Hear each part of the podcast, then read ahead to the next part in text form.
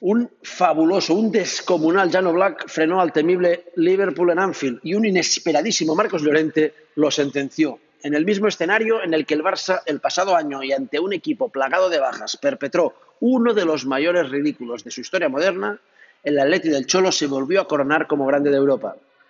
Aguantaron los indios como unos auténticos jabatos las embestidas del fabuloso escuadrón de atletas Reds y acabaron asestando un duro golpe tanto al Liverpool de Club como a la misma competición, que asistió atónita a la caída del gran favorito, del mejor equipo del mundo con diferencia.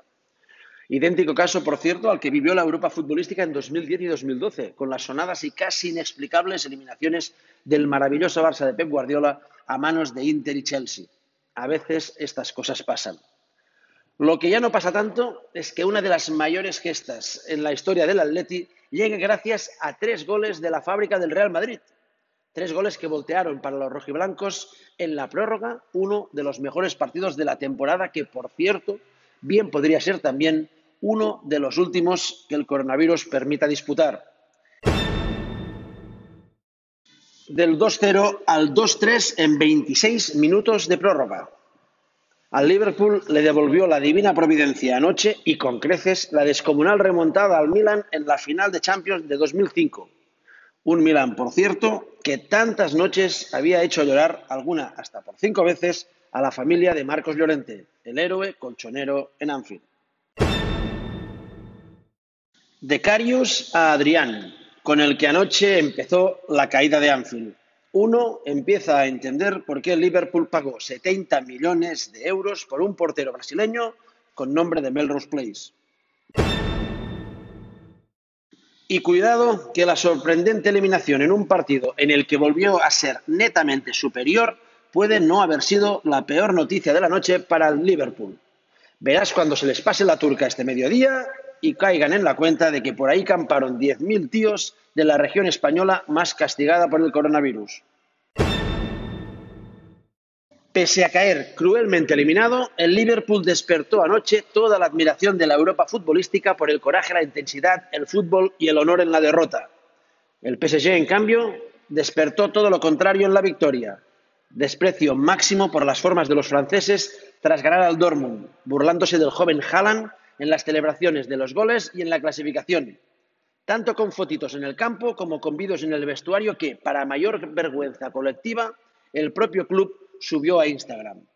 Por cosas como esta y algunas más derivadas de esta, tienen el mejor equipo de Europa y no llegan nunca a semis. Niñerías como las de ayer, por cierto, ya las subió el PSG a las redes sociales 15 días antes de que Sergio Roberto les metiese por ahí la Torre Eiffel. Ayer compareció el portavoz del Barça, Josep Vives, a anunciar, entre otras medidas, que el Barça no compensará a los socios por los partidos que se jueguen sin público. El problema es que tampoco les piensa compensar por los infumables partidos que han jugado los tres últimos años con las gradas llenas. La Liga Española de Fútbol se podría suspender por el coronavirus, pero de momento tanto la Liga como la Federación no se ponen de acuerdo. Imagino que Rubiales propondrá darle la Liga al Madrid, que Tebas exigirá que a efectos de palmarés el título blanco valga por tres y que Bartu se enfadará muy fuerte y pedirá a cambio que el español no baje a segunda. Declaraciones de Santinolla anoche en el transistor sobre la entrevista que le hizo a Bartu en el Círculo Ecuestre.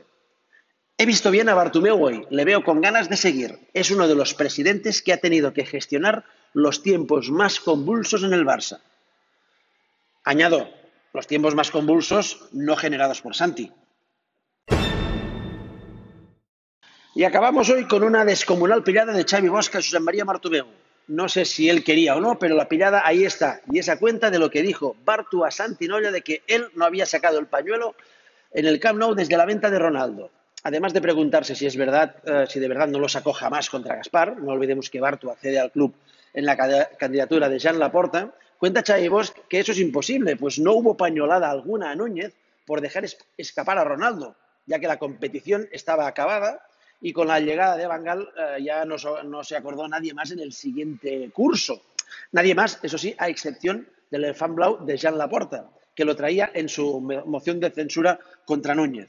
Pues ya, ya ven que sin quererlo, Xavi Bosch ha puesto a Bartu y a Laporta cara a cara. Mientras uno denunció la descomunal negligencia noñista con un activo del club que habría marcado una época, el otro, el otro miente sobre el mismo hecho 20 años después.